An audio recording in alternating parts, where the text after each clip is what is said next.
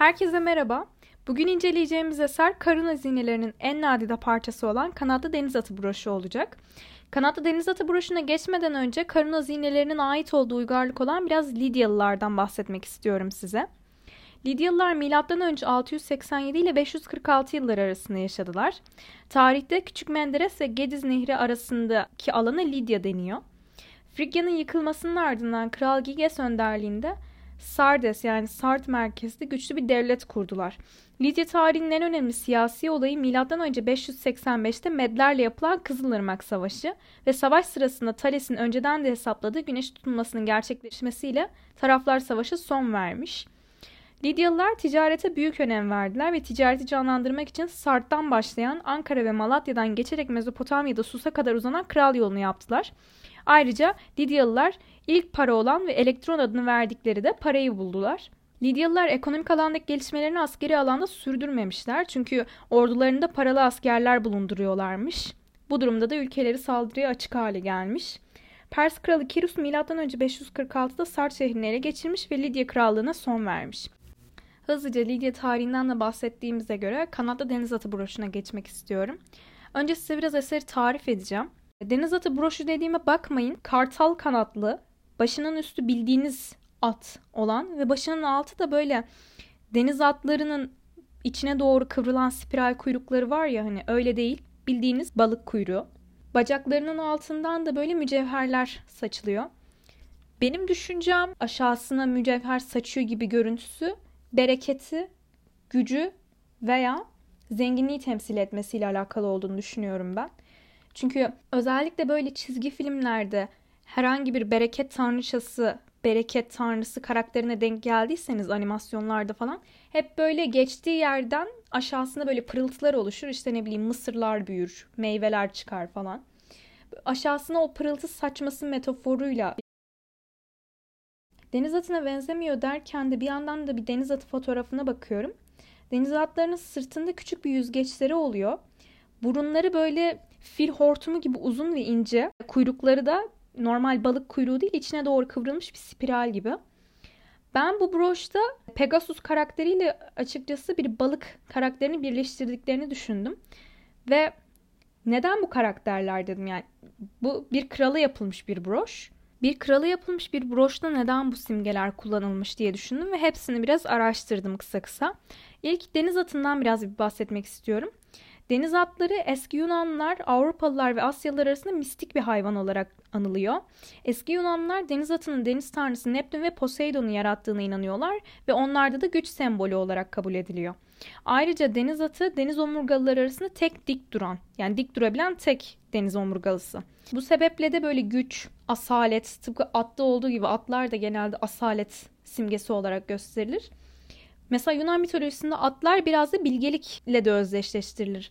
Aşil'in ve Herkül'de eğittiği iddia edilen bilge sentor Kiron, belinden yukarısı insan, belinden aşağısı at mesela sentorlarında. Diğer acaba bunu mu baz aldılar diye düşündüğüm Pegasus da Yunan mitolojisi için bir kuvvet sembolüymüş. Medusa'nın kanından doğduğu ve kutsal yerleri koruduğuna inanılıyormuş. Ayrıca atlar da Pegasus, deniz atı değil direkt at, gücü büyük idealleri, kararlılığı ve asaleti temsil ediyormuş Yunan mitolojisinde. Kanat sembolü de zirveyi, özgürlüğü ve yine gücü temsil ediyormuş. Ve böyle bakıldığında bir krala atfedilmek için uygun simgeler gibi. Şimdi kanatlı deniz atı broşunu biraz size tarif ettikten sonra kanatlı deniz atı broşu som altından yapılmış ve üstü de mücevherlerle kaplıymış. İlk haliyle şu an mücevherleri dökülmüş galiba. Karın hazinelerinin kamuoyu tarafından en bilinen parçası. 14.3 gram ağırlığındaymış bu eser. Ve 2005 yılında Uşak Müzesi'nde sahtesiyle değiştirilip yurt dışına kaçırılmış. Kültür Bakanlığı'nın yıllarca süren çalışmaları sonucunda ise 2013 yılında ülkemize iade edilmiş.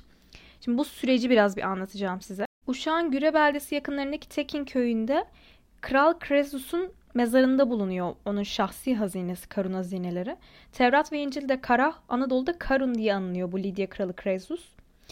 Önce 560 yılında tahta geçmiş ve önce 546 yılına kadar döneminin en zengin krallığını yönetmiş.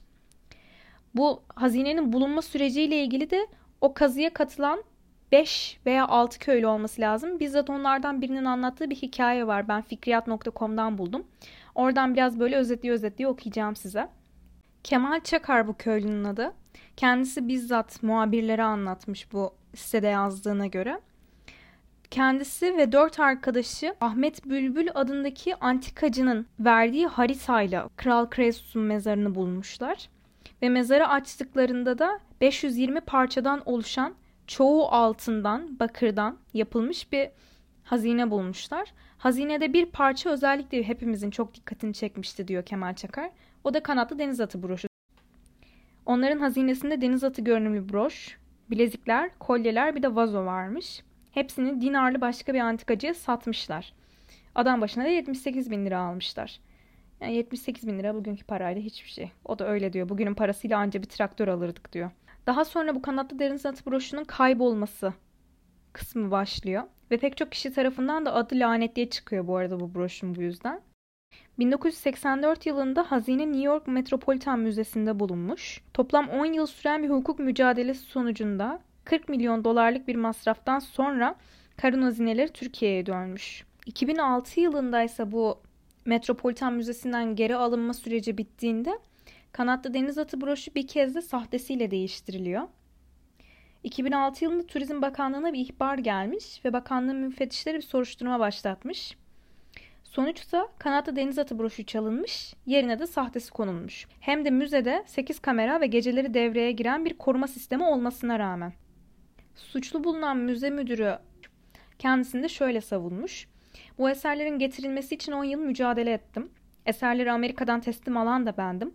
Köylüler hazineyi bulanların hepsi birer birer öldü müdürüm sen de ölürsün bu karının laneti seni de tutar dediler. Önce inanmadım ama doğru çıktı. Bu eserler benim üzerime zimmetli.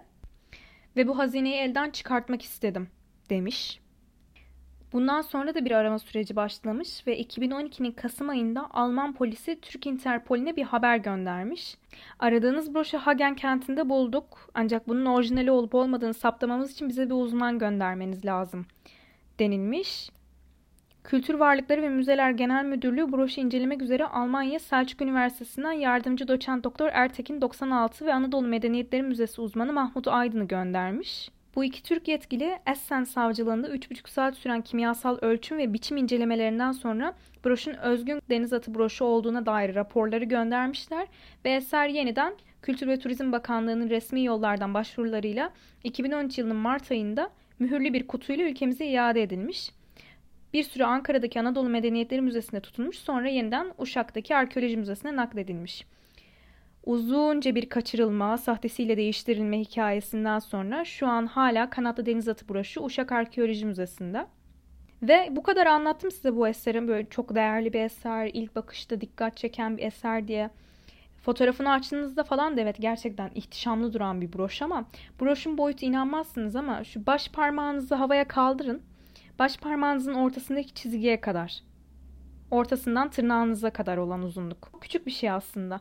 Bu hikaye açıkçası benim okuduğumda çok ilgimi çekmişti. O yüzden sizlerle de paylaşmak istedim. Umarım beğenmişsinizdir. Bugünlük bu kadar. Dinlediğiniz için teşekkürler.